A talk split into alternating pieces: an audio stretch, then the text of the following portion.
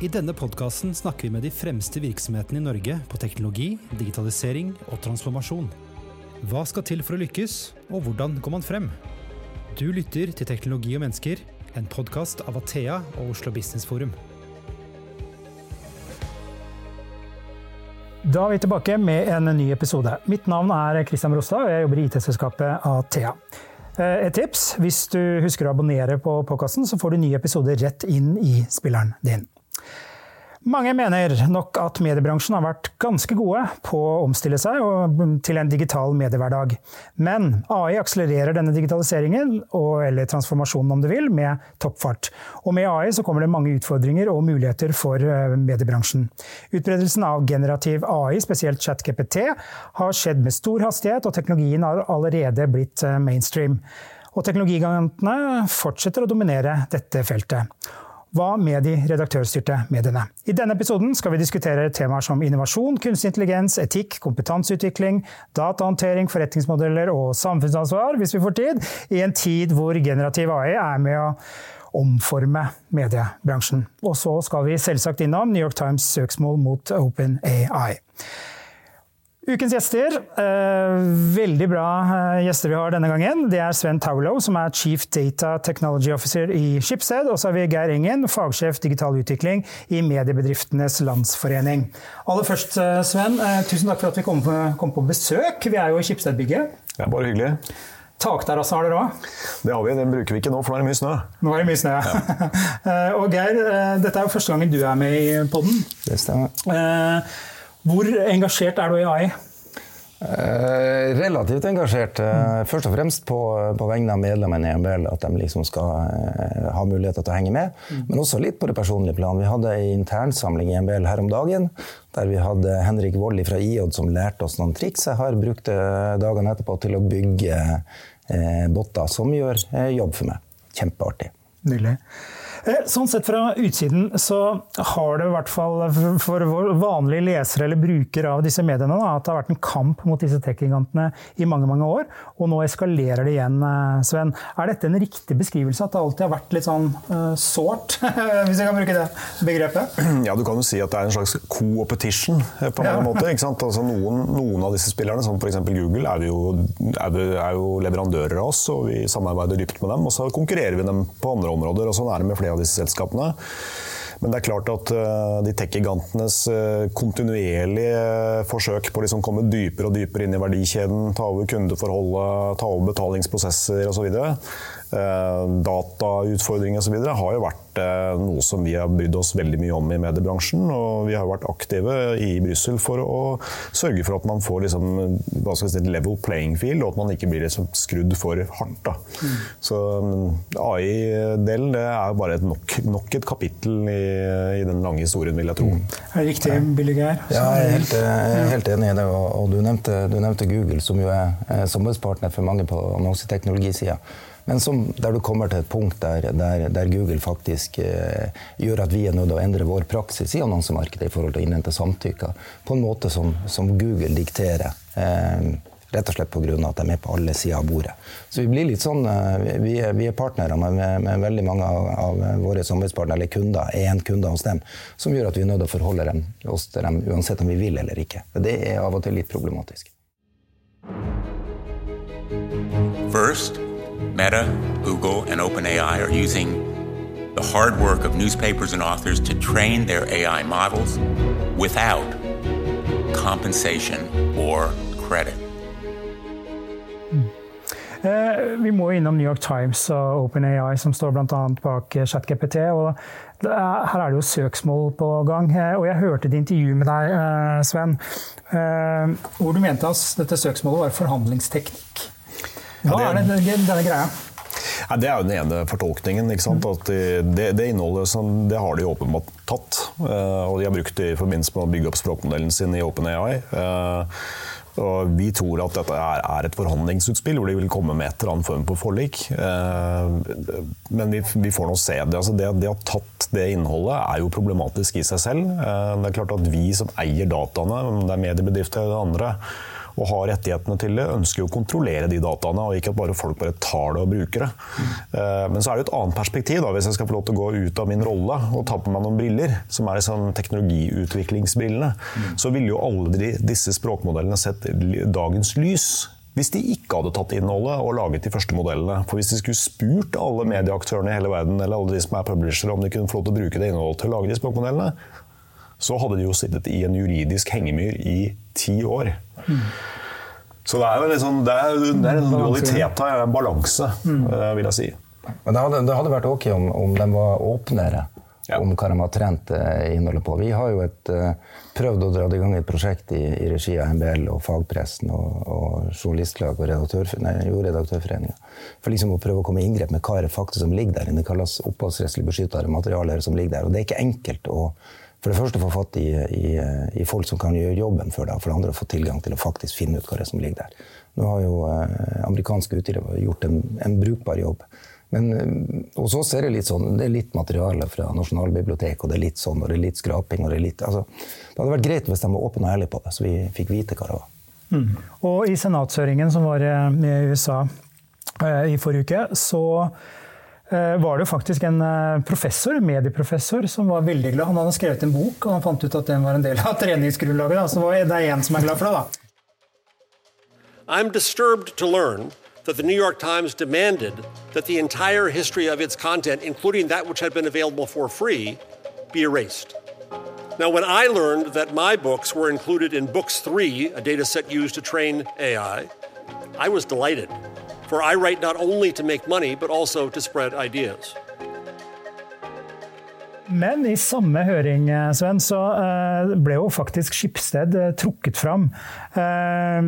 Og de sa mindre klaging og mer eksperimentering, som betyr at Skipsted egentlig står for eksperimentering. da.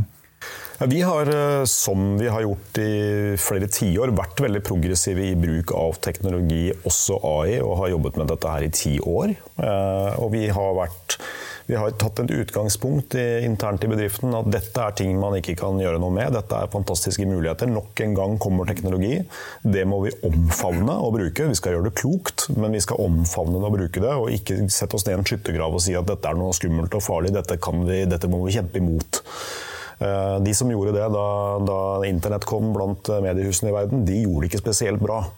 Uh, og vi akter ikke å, gå tilbake eller gå, bli en sånn type medieaktør, men tvert om liksom virkelig bare omfavne det og gå gå inn med det. Og Det er det som Jeff Jarvis syns var veldig interessant. At vi på en måte har gått sammen med Mediebedriftenes Landsforening, vi har gått sammen med forskningsinstitusjoner.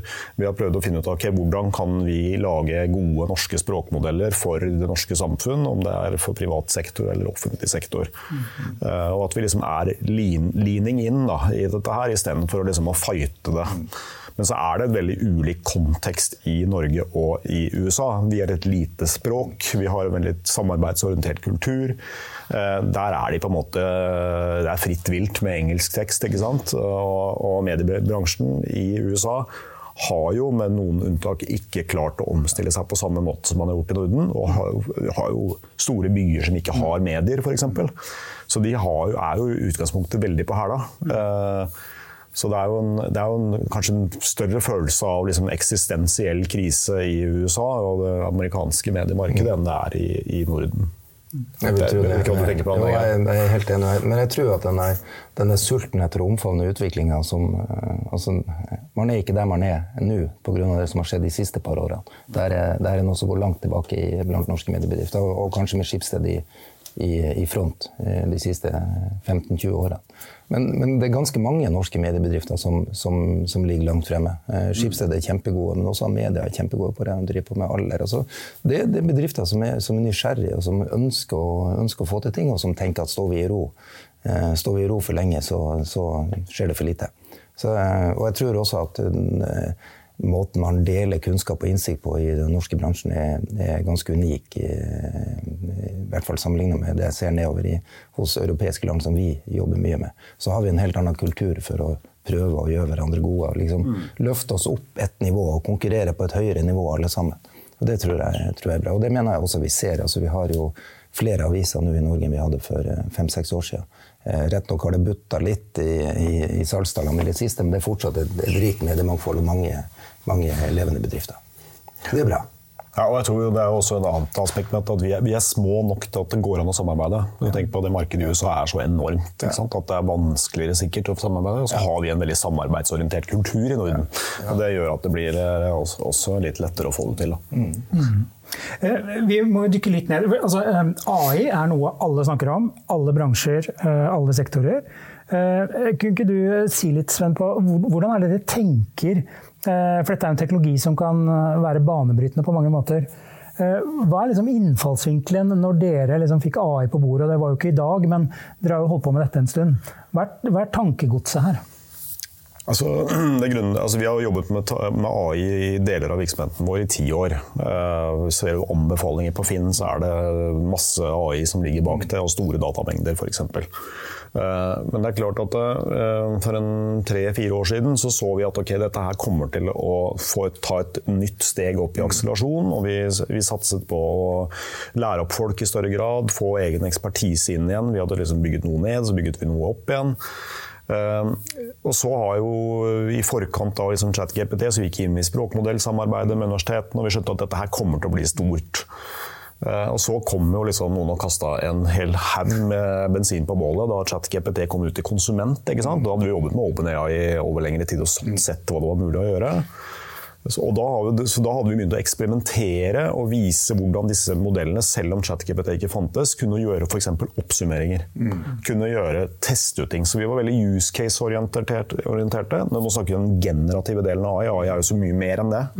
Men det generative, som er det som, det som alle prater om nå uh, hadde en egen lab som, som jobbet, med disse, jobbet sammen med selskapene. Sammen med, særlig VG har vært veldig, veldig langt framme på en del ting. Og jobbet sammen med de teamene for å, for å lage use case og se hva, som, hva er de største utfordringene våre journalister har i hverdagen. Det er typisk, Vi startet på, en måte på produktivitetsverktøysiden. Det er sånn, hva kan vi gjøre enklere? Og Da kom, fikk man noen sånne typiske quick wins hvor de sier ja, men vi bruker altfor lang tid på å drive med å transkribere. Ok, Så løser man det med Whisper, ikke sant? og så lager man det, og nå kommer det en ny fra Nasjonalbiblioteket som er sluppet, som er mye bedre på norsk, f.eks. Så det, det, det, er liksom den ene draget. Det andre draget vi startet, uh, som ikke hadde med liksom, use case å gjøre, det var at vi må få organisasjonen til å forstå hvordan bruker man det, når bruker man det, og hva slags verdi kan det skape. Så vi startet et ganske omfattende hva vi kalte for et AI enablement-program. Høres jo litt sånn komplisert ut, men altså rett og slett hvordan kan vi lære opp flest mulig ansatte, litt avhengig av hva slags jobb de har, hvordan dette her faktisk virker og hva man kan gjøre med det. Så nå, frem, nå, er vi vel snart på 1000 av 6000 ansatte i Schibsted som har vært gjennom kursing. De som går dypest gjennom det, er teknologene. Og de som er produktfolk, altså de som lager produktene. Og så har vi da øvrige som da tar et mer digitalt kurs. Men vi er rundt på sånn 300 eller noe sånt, som har gått gjennom disse de tyngre øvelsene. Og da ble løsningen vår etter hvert at det var våre egne folk som lærte opp sine egne. Så vi hadde først noen eksterne inne, funka ikke i det hele tatt. Ok, da, Det er mye bedre å ha egne kolleger som lærer bort, og da blir attention noe helt annet. Så det der å lære opp er utrolig viktig. Og så var det tredje draget vi gjorde, det var vi må ut og jobbe med andre. Vi kan ikke sitte her inne og jobbe alene. Så vi gikk inn i forskningssamarbeidet allerede i 2020. Uh, først med Media Futures i Bergen og Norway Eye, som er i Trondheim. Uh, som er to sånne SFI-er finansiert av Forskningsrådet. Uh, og så har vi hatt også via de samarbeid med Fraunhofer Institutt, som er den største forskningsinstitusjonen i Tyskland.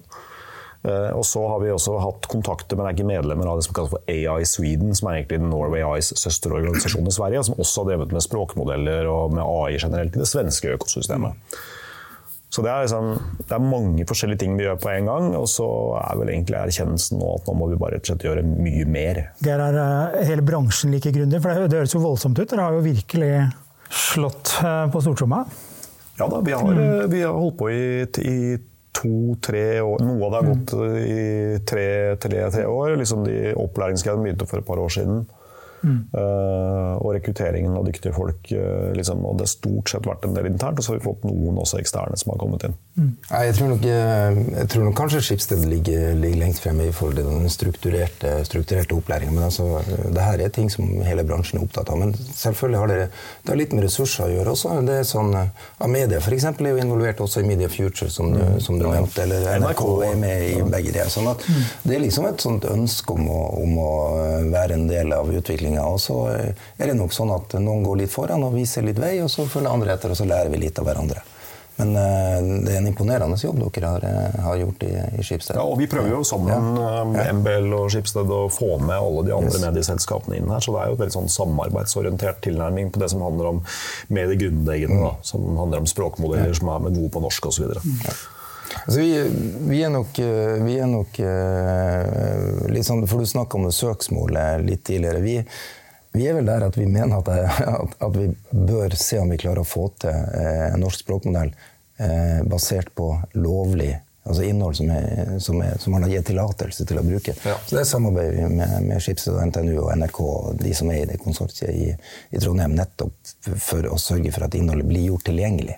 Og at man ikke har den typen uavklart situasjon som du har rundt en del andre modeller. Det er ganske interessant å jobbe med. Mm. Det tar litt lengre tid. ikke sant? Ja. Vi bruker det mer avtaleverk og flere jurister og yes. beboere og sånn. Men så opplever vi også at, uh, at regjeringen har kommet ordentlig på banen mm. siste halvåret. Både Karianne Tung, som er i Digitaliseringsministeriet, du har de som er i Kunnskapsdepartementet. og der, eh, og i kultur. Eh, alle de tre ministrene der er opptatt mm. av at vi skal få til eh, gode språkmodeller på norsk. Mm. Og i hvert fall sjekke ut om det faktisk er så bra som vi tror. Mm. Så der har vi jo også et dypt samarbeid med Nasjonalbiblioteket og Aslak Sira Myhre og den gjengen der, som er jo veldig viktig for å ha datamaterialet godt og strukturert mm. for å trene modellene. Og det som er unikt i Norge er, Vi tenker jo ikke på det i Norge, men vi har altså opp mot 90% av all norsk tekst er digitalisert. Mm. Altså det, det, det, er veldig få land i verden som har det. Mm. Og Den jobben har jo Nasjonalbiblioteket gjort fantastisk bra. Så er det alltid noen kvalitetsutfordringer når man gjør sånne skanning av bøker, og sånne ting, men du kan tenke på alt det siste innholdet vi har. Det er jo rent digitalt og bare mm. overført. Det er jo ikke skanna avispapir så, eller bøker. Mm. Så Det gjør jo at eh, Nasjonalbiblioteket har en veldig veldig viktig rolle oppi dette. her, og Det er jo de som ofte klarerer rettigheter mm. bakover mot rettighetshaverne. Ja, det, ja, det fine er jo på en måte at vi er, vi er såpass tett at vi kan vi kan samle de, de viktigste aktørene. Nasjonalbiblioteket, NTNU, AI Sweden. Eh, ja. Liksom, i, et, i, et, rom og, og, og, diskutere ting og et seminar i fellesskap, sånn at du på en måte dekker hele markedet. Eh, den avstanden er mye mye større i andre, i andre, deler av Europa, i hvert fall. Mm. Det, så akkurat det er en, en, styrke for norsk mediebransje, og altså relasjonen vi nå har fått til, til forskningsmiljøene gjennom at flere mediebedrifter er tungt inne i de SFI-ene som er. Mm. Og så er det fra et sånt bransje, bransjeperspektiv, sånn, sånn MBL som organisasjon. Vi har vi begynte for en del år siden å, å, samarbeide med akademia i forhold til å sørge for at vi hadde nok datastøtta journalistikkundervisning eh, eh, i journalistutdanningen. Og nå er, det jo liksom, er det jo steget videre. Nå, det, nå har Oslo Met fått bevilga midler for å eh, kunne satse mer på AI. Eh, og lage opplegg for å få det inn i journalistutdanninga. Mm. Sånn at vi vi, har, vi, er vel egentlig der. Vi er litt enige med den nye AI-sjefen i VG som vel sa da, at han tror ikke at eh, AI kommer til å ta journalistjobbene, eller KI, da, som man kanskje kan kalle det. Men, men journalister som ikke kan KI, eh, får et problem i framtida. Mm. Det en, eh, det, liksom, det, vil være et sånn bransjeperspektiv på det her, å sørge for at vi har journalister som skjønner og kan anvende teknologien på, på en forsvarlig og ordentlig måte. Mm. Du kan tenke liksom, hvis du bare får bygge litt på det Hvis du ser liksom altså, det beste og ypperste av journalistikk er jo ofte gravejournalistikken, mm. hvor de bruker ja. månedsvis på enorme datamengder og prøver å finne ut av hva som har skjedd. ikke sant? Tenk deg hvor kraftfull uh, de, de typer verktøyene, uh, AI-verktøyene er, eller KI-verktøyene er, for den type journalistikk. Du kan gå gjennom sto, kan rett og slett kjøre analyse av store datafiler og spørre liksom, er det noen avvikende mønster du ser i disse datafilene her, f.eks. Si de henter om Tolga-saken, henter de liksom, uh, spreadsheets fra 400 kommuner, eller hva de nå enn gjorde, og så sier de liksom, ok, er det noe avvik i dette her? Og så kan egentlig AI bare si i løpet av liksom, fem fem sekunder ser ja, i de og de og de kommunene så er det en overrepresentasjon av folk som har fått diagnosen psykisk sykdom, f.eks. Så det er jo fantastisk mye verktøy som kan brukes her for journalistikk. Men hvis du ikke kan bruke dem, da blir du ikke veldig aktuell. Nei, Nei du må, det, er akkurat det du må kunne bruke dem. Du, du nevnte jo du nevnte Tolga-saken, men du kan jo også se på den, den saken som, som, er ganske stor på NRK nå, 'Norge rødt, hvitt og grått', og som ja. da er den oppsynsmannsprogrammet med altså Det hadde antagelig ikke lært seg gjennomføre uten bruk av, av AI. Mm. Enorme datamengder. Det hadde tatt utrolig lang tid å få det til. Mm. Men det blir ganske Så dere ikke har sett den saken, som det, på, det er rett og slett veldig, veldig, veldig imponerende. Mm. Jeg tenkte at uh, redaktørstyrte medier uh, Jeg tror vel kanskje vi er det landet i verden, uh, det vet kanskje dere bedre enn meg, men vi har høy tillit til, til mediene. bruk av AI liksom for, som verktøy for journalisten er jo én ting. En annen ting, en annen ting det er jo det vi ser av AI i journalistikken, er jo tekst, lyd, eh, kortversjonen av sakene osv. Hva annet er det, vi, vi, er det noe vi ikke ser eller vet om, Sven, som dere bruker AI til, som vi eksponeres for når vi er brukere av, av mediene? Som dere eksponeres for? Ja. Ja, vi bruker det jo eh, til dels i hvilke saker du får se. Mm. Uh, altså rett og slett anbefalinger. Og der er det jo en veldig fin balanse mellom det å være redaktørstyrt mm. på, på, fronten og det å gi anbefalinger. Men altså, det er jo ingen hemmelighet at det fins jo, jo, faktisk folk i Norge som ikke er interessert i fotball. Yes. Det fins det. Yes. ja, det fins det, og jeg er en av dem. Ja, ja, jeg blir ganske irritert over at jeg ser veldig, veldig mye fotball når jeg er på våre mm. sites. Og jeg er helt totalt uinteressert i det. Jeg kunne mm. fått mye mer aktuelle saker som hadde gjort at VG Aftenposten hadde blitt mye mer fornøyd med meg som bruker, mm. for hadde jeg hatt høyere engasjement på siten. Ikke sant? Og det, det, å lage, det er AI, og det er jo ganske enkel AI, egentlig, men mm. det er vikt, viktig for oss. Mm. Vi bruker det på å identifisere fraud. Nå er jeg ikke på mediene, mer, mer på når vi ser det på, på markedsplassene våre f.eks. At mm. folk svindler hverandre og sånn. Prøve å avdekke hvem som driver med det. Eh, plassering av eh, overskrifter på altså SEO-optimaliserte overskrifter som søkemotorens eh, crawlere finner. Mm. Det lager vi ved hjelp av AI. Det ser du ikke så veldig mye av. Vi, systemene våre lager anbefalinger nå om til desken på hva ville vært den beste overskriften på denne artikkelen, for det er det jo desken som gjør. Mm. Og så er det selvfølgelig det, det som er sjef på desken som, som, sier at det skal være den eller den. Men vi har hatt vårt første publisering av den første overskriften som er generert av en AI, men godkjent av desken. Det ble gjort forrige uke. Så det er da i systemene våre. Um, det er eh, ja, det, det, Vi gjør oppsummeringer, det har vært kjent. Vi, det har kundene sett, men også har vi transkribering. Og så har vi at det er superinteressant med at du kan rett og slett begynne å publisere ting på ulike språk. Mm. Vi har jo hatt eh, behov for å få ut nyheter på ukrainsk, f.eks., når vi fikk masse flyktninger. Mm. Det å liksom kunne gjøre sånne ting bedre enn det man har gjort til nå, det ville være fantastisk. Det er masse case. Det, jeg kunne gått fortsatt i fem minutter til, men det, det, det, er, det er, veldig mange. Jeg hørte her om dagen dagen så var det en som nevnte altså, eh, muligheter til å få forslag på oppfølging. Altså Interessante, interessante oppfølgingsvinkler på saker du har publisert. Også. Ja. Det høres jo også kjempespennende ut. Eh, ja, og, så syns jeg all honnør Det blir mye skryt av Skipsted her, føler jeg. Men uh, den Jojo, eller Yo-Yo, ja. uh, som vi har brukt selv da, i denne poden, mm. er jo helt fantastisk. Så det derre uh, innstillingen til deling ja. Det er vel eh, noe å heie på. Ja. Altså, vi, vi, er helt uh, vi er, vi er, altså, I Norge så blir vi sett på som en stor, stor, stor spiller, men i verden er vi fryktelig små. Mm. Uh, og vi er avhengig av open source. og Det betyr jo for de som lytter at um, istedenfor å kjøpe software, altså programvare, av store selskaper som har laget det og som selger det til en dyr pris til deg, så er du med i en slags dugnadscommunity mm. mm. hvor folk over hele verden skriver programvare som deles med alle. Mm. Uh, og vi tror jo at vi har alt å vinne på, som vi har gjort innenfor teknologi tidligere. På, og hvis vi finner på noe, så skal vi dele det med andre. Så frem til ikke er en veldig veldig stor liksom, konkurransefortrinn for oss. da. Mm. Uh, og der er jo, Det skal være viktig å påpeke der. ikke sant? Og der har jo Nå kommer jo Nasjonalbiblioteket med sin nye Whisper-modell som de har laget der. Eh, de har et par fryktelig flinke folk der som, eh, som, som jobber med, med, språkmodeller. Og den vil jo være motoren det er altså motoren under Jojo. Det er jo ikke våre folk som har laga den, det er Nasjonalbiblioteket som har laget.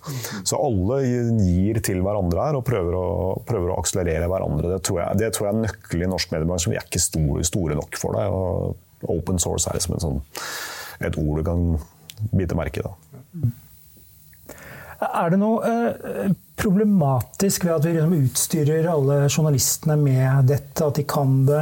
Eller er det bare en fordel for leserne? Er det noen problemsider her? Ja, altså, det, det, er helt sikkert både problemsider og utfordringer som man, ikke, som man ikke ser i dag. Jeg tror nok den, den, samtalen her hadde vært helt annerledes i eh, november-desember i fjor eh, enn den er nå. Altså, ting, ting går seg litt til. Men jeg tror nok at, eh, at, eh, For det første så tror jeg det er sånn at i framtida eh, så vil redaktørstyrte medier som, som, du har tillit til, bli viktigere og viktigere. Eh, men det betyr jo igjen at man er nødt til å, legge på noen sikkerhetslag som gjør at vi bevarer den tilliten. Eh, F.eks. at du, eh, som Svein var inne på her, at det er faktisk redaktører som til syvende og sist tar beslutningen. Og i den grad du har automatiserte prosesser, sånt, altså det skal du ha i minst mulig grad. Du skal sørge for at for at innholdet er kvalitetsstempla og, og, godkjent av, av, redaksjonelle medarbeidere. Så jeg tenker at uh, hvis vi gjør det her på en fornuftig måte, hvis vi sørger for at man kan verktøyene, og vi har levende diskusjoner i redaksjonene om hvordan vi bruker det, uh, og hva slags forhold vi har til det, så tror jeg, så tror jeg at det er en ubetinga styrke for oss. Men det, ja, det, det dukker jo opp uh, ting og fenomener hele tida som, som gjør at bildet endrer seg. Og det kan godt hende at vi har en helt annen diskusjon om to år enn vi har i dag. Men akkurat nå så, så tenker jeg at det er muligheten til, til, å lage eh, nye produkter, mulighetene til å fortelle historien på nye måter, mulighetene til å finne mønster i, i datamaterialet som du aldri hadde funnet ellers, mm. gjør at det er god tid for, for, oss. Og jeg tror også at det er, Men jeg, som sagt, jeg tror også at alt ligger i å forvalte den tilliten vi har, og gjøre det på en, på en fornuftig måte. Og eh, rett og slett eh, tenke gjennom oppdraget. Ja, og da tror jeg også liksom det å ha noen retningslinjer for hvordan man bruker disse verktøyene, uh, er helt essensielt. Og det har vi, som alle andre norske mediebedrifter, sannsynligvis gjort. At det er noen ting vi skal være transparente når vi bruker det.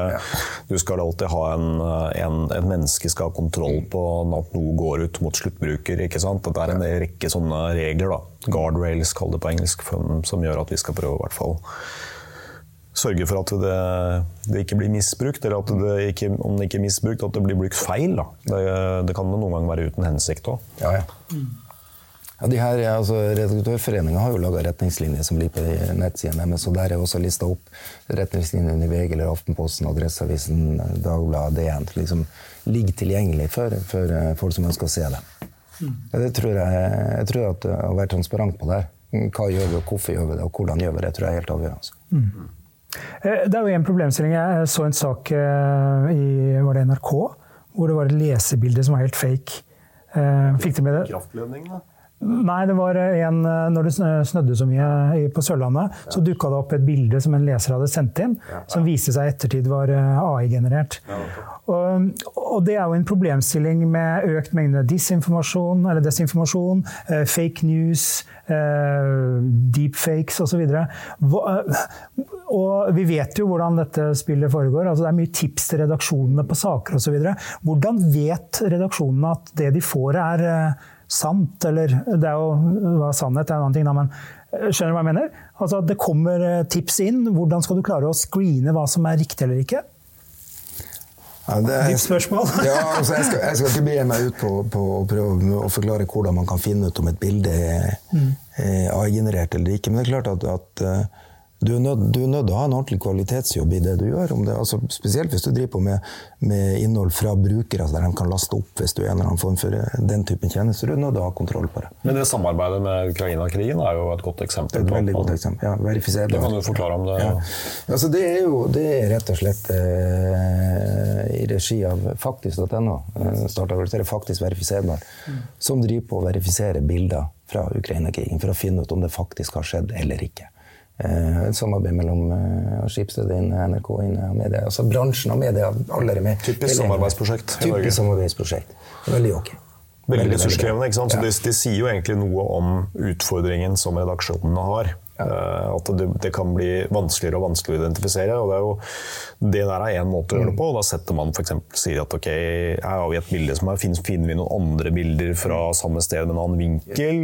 Kan vi gå gjennom Google Maps og se fins de bygningene? Er det noe i metadataene som sier at dette blir tatt nå eller ikke? Og så, og så finnes det jo også noen spor som bl.a. drives av Adobe sammen med BBC og et par andre, hvor man prøver å lage standarder for å kunne faktisk si at dette bildet ble faktisk tatt av eh, er ekte. Eh, han bruker f.eks. Uh, altså type blockchain-teknologi for å liksom sette et stempel på dette bildet. At dette er 'it's not tampered with'. Hvor langt det er kommet, vet jeg ikke. Så det fins tiltak, men det kommer til å bli et kjempeutfordring til framover. Og forvalter man det rett, som Geir sier, så får man styrket tillit i, til redaksjonsstyrte medier. Og forvalter man det dårlig, så går det motsatt vei. Ja. Men eh, hvis jeg klarer å huske rett ifra noe jeg hørte i går morges, så har vel OpenAI sagt at de skal utvikle verktøy som gjør at man er i stand til å gjenkjenne bilder generert av dem. Ja. Men eh, jeg, har, jeg, har, ikke noe mer enn vag hukommelse når jeg hørte på nyhetene i, i går morges. Du var søvnig? Mm. Ja, du var søvnig antakeligvis. ja. Eh, det, det spørsmålet som også dukker opp hele veien her, eh, og du var så vidt innom det, Sven, men uh, når man snakker om AI, eh, og i mange bransjer så sier at AI kommer til å ta masse jobber osv. Er det en reell problemstilling, eller det, har dere liksom klart å håndtere det og liksom bygge ned frykten for det i Skipsted? Altså det, jeg tror uh, Geir er kanskje flinkere på meg på liksom å beskrive det. Men en journalist er ikke en journalist. Det finnes så fryktelig mange forskjellige journalister.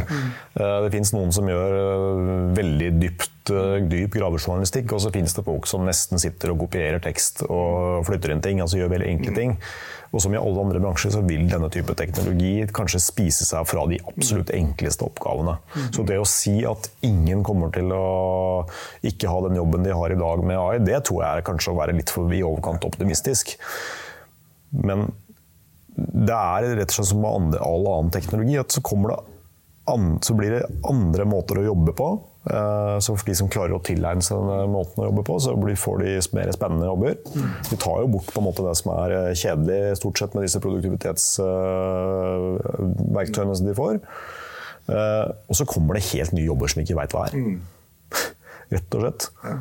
Det, er, eh, det, dukker opp beskrivelser på nettet av, av, jobber som du bare ikke trodd. Altså folk som bare sitter og prompter liksom, for, for, å få ting ut. Altså det var jo, ingen ingen snakka om det for et år siden. Men jeg, jeg tror den tilnærminga som, eh, som, du hadde når du presenterte Jojo i Bergen i mm. fjor vår, da mener jeg at jeg regna meg frem til at dere, Du sa 6000 timer på, fra eh, slutten av februar og frem til mai. Hadde dere spart i arbeidstimer. Nå var det 18 000. Ja. Og hvis, man regner om, hvis du da regner om 18 eh, 000 timer til årsverk, man deler det på 2000, så finner du at det og det er snakk om at du har spart ti årsverk i løpet av en periode. Men utgangspunktet her, som du sa da, det er jo årsverk som du kan bruke til noe annet. Mm. Altså, det er jo, altså, jeg oppfatter egentlig at, at eh, beskrivelsen av, av, av, det her som en ekstremt ivrig assistent, som gjerne vil bistå deg med de oppgavene du helst ikke vil gjøre sjøl, er jo ganske god. Men selvfølgelig kan det brukes til vanvittig mye mer avanserte ting. Eh, og det kan antagelig brukes til å fortelle historier på en helt annen måte enn vi har gjort det nå. Og den kan, den kan brukes til å personalisere innhold på en helt annen måte enn nå. Jeg var i Nord-Norge, bare sånn apropos ingenting, ingenting, eller apropos noe dere sa tidligere. Jeg var i Nord-Norge på tur, og der har de funnet ut at folk eh, leste ikke sport. Jeg har bestandig trodd at sånn at man var hyperinteressert i sport, også lokalsport. Men det solgte ikke. Så det er ikke sånn at alle er interessert i fotball. Nei. du er tilbake der. så da kan, så da kan man bruke, bruke, bruke tida på å produsere annen journalistikk. Altså det, det, Forhåpentligvis er at kvaliteten blir høyere. Dette er jo ikke noe som man sier at det er ti årsverk som nå skal bort fordi alle har blitt mer effektive. Det er jo sånn, forhåpentligvis tror jeg det er kvalitet jeg mener det bør brukes til. Det er jo definitivt at man får mer tid til å bruke tid på å lage det man har skrevet bedre. Det er ikke tvil om at den tunge journalistikken er ekstremt ressurskrevende. Mm. Det koster veldig mye penger å drive gravejournalistikk. Ja. Og hvis du kan effektivisere det gjennom å eh, bruke kunstig intelligens til å søke i data i stedet for å sitte og lete i regneark, eh, så er det helt rett eh, å gjøre det. Mm. Eh, vi snakket jo eh, tidligere eh, om hvor flinke vi er i Norge på samarbeid på tvers og så uh, er det jo Det dukker jo opp nye aktører etter hvert, som altså generatorer, type uh, Artifact, som nå dessverre skal legges ned. Og Der skjønner jeg at både du og jeg, Sven, er fan av den tjenesten, eller? Ja. ja. Uh, hvordan, hvordan, kan AI hjelpe mediene til å tjene mer penger? Få, liksom, blir det endring av forretningsmodeller? Er det, hva er det som ligger i kortene? Eller betyr ikke AI noe for dette i det hele tatt? Nei, altså jeg tror jo jeg tror jo skal være så ærlig å si at uh, AI vil jo gjøre, gjøre altså Det kommer an på hva selskapene velger å gjøre. Da. Mm. Enten så gjør det det mer effektive ved å redusere kostnader. Mm. For at man kan gjøre en del ting som man uh, måtte gjøre med folk uh, billigere. og Da er vi tilbake til liksom, hva går det utover hvor mange journalister vi har. Det, altså, det er jo selskapets valg mm. i realiteten. Eller så kan man gjøre det til å lage bedre kvalitet og bli mer konkurransedyktig. Så det er jo på en måte et, et ledelsesvalg hvilken vei man velger å gå. Um, jeg tror uh, en sånn stor uh, stort spøkelse da, som, uh, som, mange, som, mange, tenker på, er liksom, hvordan vil egentlig medier bli konsumert i framtiden? Altså, husk på at I Norge og i Sverige for eksempel, så er vi veldig sånn destinasjonsorienterte. Hvis brukerne går til appene og til nettsidene til mediebedriftene. Vi har i forhold til veldig mange andre, mange andre, land mye mye mindre trafikk fra sosiale medier. Det er ikke avhengig av Facebook. Noen norske aviser sånn som Dagbladet er ganske avhengig, har vært ganske avhengig av det. Uh, I hvert fall til dels ble de slått ganske hardt når de hadde en endring i algoritmen i Facebook, men de som ikke har det, er ikke så sårbare. Men er det gitt at brukeren går til hver destinasjon for å sjekke hva nyhetene er? Eller bruker de en applikasjon som nå blir lagt, lagt ned, Artifact. Den, altså du vet, En AI som, som, gir deg hele tiden notifications på de nyhetene som de vet er viktige for deg. Artifact har vært et eksempel på det. Bruker du Perplexity, som er en sånn blanding av språkmodell og søk, så har jo den også begynt å gi deg tips på nyheter, og sånn, avhengig av liksom din bruk. Og det er klart at Da får du det det kalles for en typisk sånn disintermediation. At det legger seg et lag mellom medieselskapene og destinasjonene og brukeren. Og jeg tror vi skal være sånn oppmerksom på at folk er generelt ganske late. De vil ha minst mulig friksjon i livet. Og hvis noen kan gi meg en eller annen form for informasjon eller noe jeg vil ha på en enklere måte enn andre, altså ta ned friksjonen, så velger jeg det.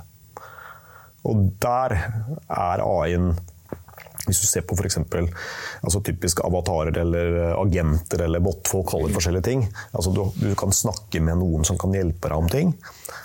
Er, hvis det blir så bra som man tror, at man liksom om to-tre år kan si du har lyst til å dra til Tyrkia i sommer, jeg kan bare lage en tur for meg, bestille alle billettene og sånne ting. Det, det, er sånn, det, er tanken om hva en AI skal gjøre. Det kan ikke bli AGI, altså generell kunstig intelligens, om to-tre år. Men den type oppgaver tror man at AI kan gjøre. Mm.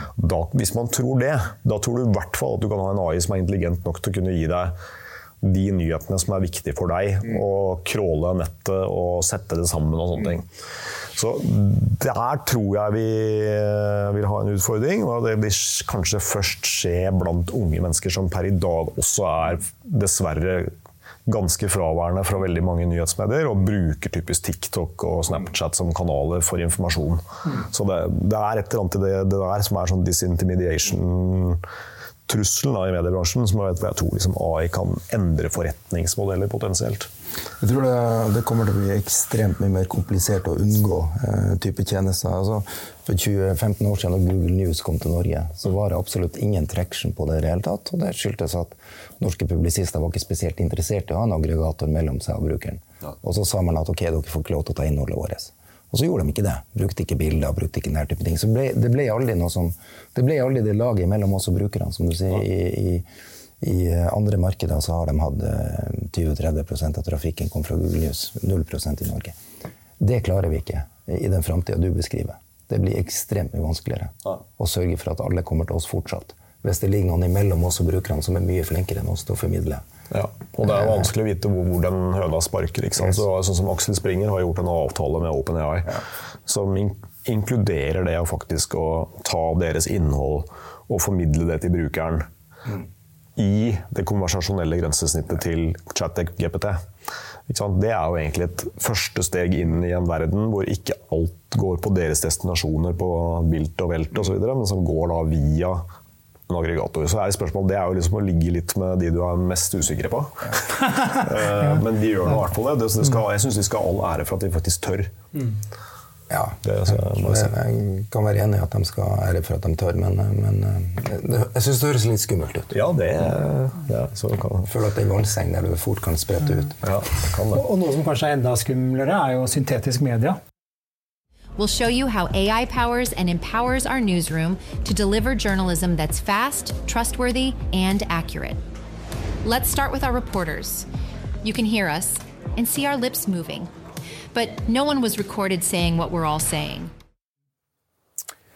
Channel One, som vi kom over i researchen her, som mm. har helt um, syntetiske altså avatarer, eh, nyhetsankere, mm. presenterer innhold på en troverdig måte. Eh, nyhetsredaktøren i TV 2 mente jo at dette herregud, dette er, ser ekte ut. Mm. Eh, hva er fremtiden der, Sven? Nei, altså jeg må jo si at vi, vi, har jobbet med avatarer og bygget digitale tvillinger av oss selv og vist hvordan det kan gjøres. Jeg har sett din avatar. Jeg har sett min avatar. Den er ikke så dårlig, den er, fire, den er fire år gammel. Ja, den, du viste den for to-tre år siden på styremøtet. Ja, det, det, den ble bygd liksom eh, på den gamle måten. Nå kan du bygge den mye raskere. Mm. Jeg tenker, Hva er egentlig forskjellen? Altså, I dag så har vi jo syntetiske stemmer på alle artikler i Aftenposten og for flere av avisene våre. Hvor det er en syntetisk stemme som leser opp det som er redaktørstyrt materiale. Ok, så La oss si at vi putter en, eh, at Gard Steiro leser opp akkurat den samme med Gards stemme. Er det noe verre enn å ha en syntetisk stemme på den artikkelen? Så lenge det er redaktørstyrt etter de prinsippene vi har, så tror ikke jeg det. Men, men det jo, jeg har ikke tenkt veldig grundig gjennom prosessen. Men jeg ser liksom, det, er, det ene er audio, det andre er audiovisuelt. og det klart at eh, du, du, kan jo også få sånn der, eh, som, husker Da jeg lagde den modellen, så tenkte, tenkte, jeg bare ja, det der er jo en digital tvilling av meg. Hvis noen får tak i den modellen, så kan du virkelig begynne å tulle med den og få meg til å si ting som jeg ikke har sagt. Ja. Så det er, jo, det er, jo, noen problemstillinger der. Mm. Men uh, jeg, jeg tenker det, Så lenge det er journalister bak og redaktører som har styrt det, og sånne ting, så er jo måten man presenterer på kanskje litt underordnet, egentlig. Ja, øh, Eller er det ikke det? Jo, men jeg, jeg, tror nok, jeg, tror nok, det kommer til å bli diskutert i bransjen før man på en måte sier at det her er uproblematisk. Men jeg, for så vidt, jeg ser poenget litt.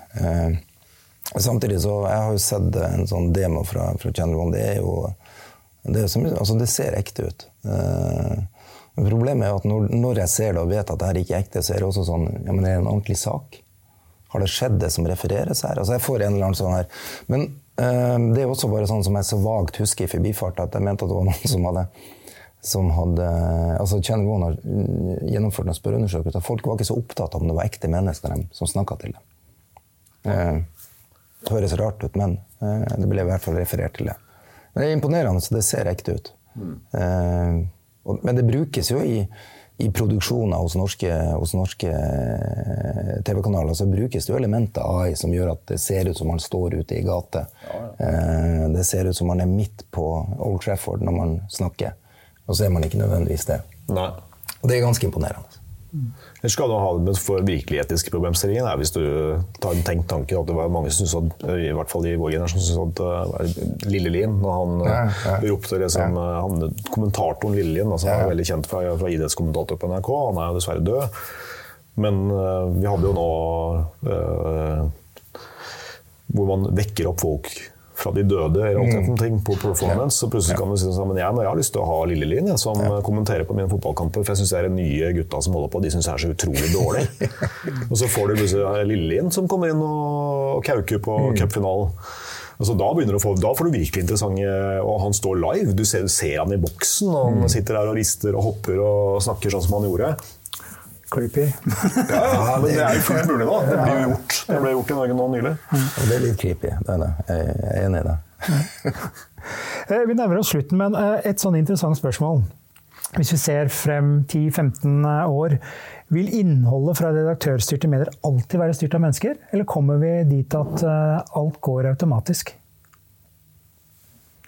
Stort spørsmål. Mm, Nei, altså det, Jeg tror ikke jeg skal bruke, eller jeg skal ikke prøve å svare på om det alltid vil være styrt. Eh, eller det vil jeg, jeg tror egentlig at Er det redaktørstyrt, så er det redaktørstyrt. Det vil i realiteten si at det er styrt av et menneske som har, som har ansvaret for det. Og så er det snakk om hvordan det her, altså Du har jo eksempel på automatisert eh, produksjon i dag. På liveoppdatering av fotball og denne typen ting. som jo der det ikke er noen som sitter og skriver det her inn løpende. Men det er jo eh, allikevel godkjent av en redaktør. Det gjennomgår av en redaktør, og det er på en måte, man tar ansvar for det. Men om det alltid vil være sånn at alt innhold alltid har hatt en finger på seg fra et menneske, det, det, tror jeg ikke jeg skal eh, prøve å svare på. Men jeg tror nok at hvis det er redaktørstyrt, så, så er det menneskelige, menneskelige, ressurser inne i loopen i en eller annen form. Og det, det, det, det syns jeg er veldig bra sagt. For det, det som spørsmålet er er det sånn at det er noen som har trykket på knappen, altså sånn drone, droneproblemstilling, når du skal ta livet av noen, liksom, ja. som er mild, amerikansk militære, som vi alle kjenner til? Ja. Eller er det at noen har tilrettelagt systemet, altså at mennesker har vært med å styre hva mm. det systemet kan gjøre og ikke kan gjøre? Begge deler er redaktørstyrt, vil jeg påstå. Mm. Så det vil alltid være en, en journalist, en redaktør inne i bildet, at, eller i hvert fall en redaktør. Mm Eh, som har vært satt opp enten guardrails eller eh, systemene for å få gjort det. Men det er ikke nødvendigvis gitt at alt er med en person imellom som sier 'trykk på knappen' eller ikke. Men da skal du være ganske sikker på at det er bra. Ja. Og så skal du være ganske sikker på at hvis det går gærent, så er det ikke spesielt viktig. Så la oss ta en robot som, eh, som kommenterer en kamp i fjerdedivisjons mm. hvis det fins. Jeg er ikke så inne i fotball, som du vet. Jeg tror det. Men ikke sant? Så, så, så, og, så er kanskje ikke Hvis det liksom er én av tusen av de går galt, så tenker du at det er innafor. Ja. Det, det, gjør ikke så mye om det blir ikke så mye om det blir gærent. Så det, du kan ha sånn risikoprofilen på hva mm. du, hva du, slipper til, og hva du ikke slipper til. Da. Mm. Ja, det, tror jeg, det tror jeg er godt sagt. Mm. Det ble de siste ordene. Uh, Geir og Sven, tusen takk for at dere kunne være med. Og tusen takk Sven, for at vi fikk komme på besøk. Uh, nå skal vi nyte utsikten. Og tusen takk til deg som har lyttet på.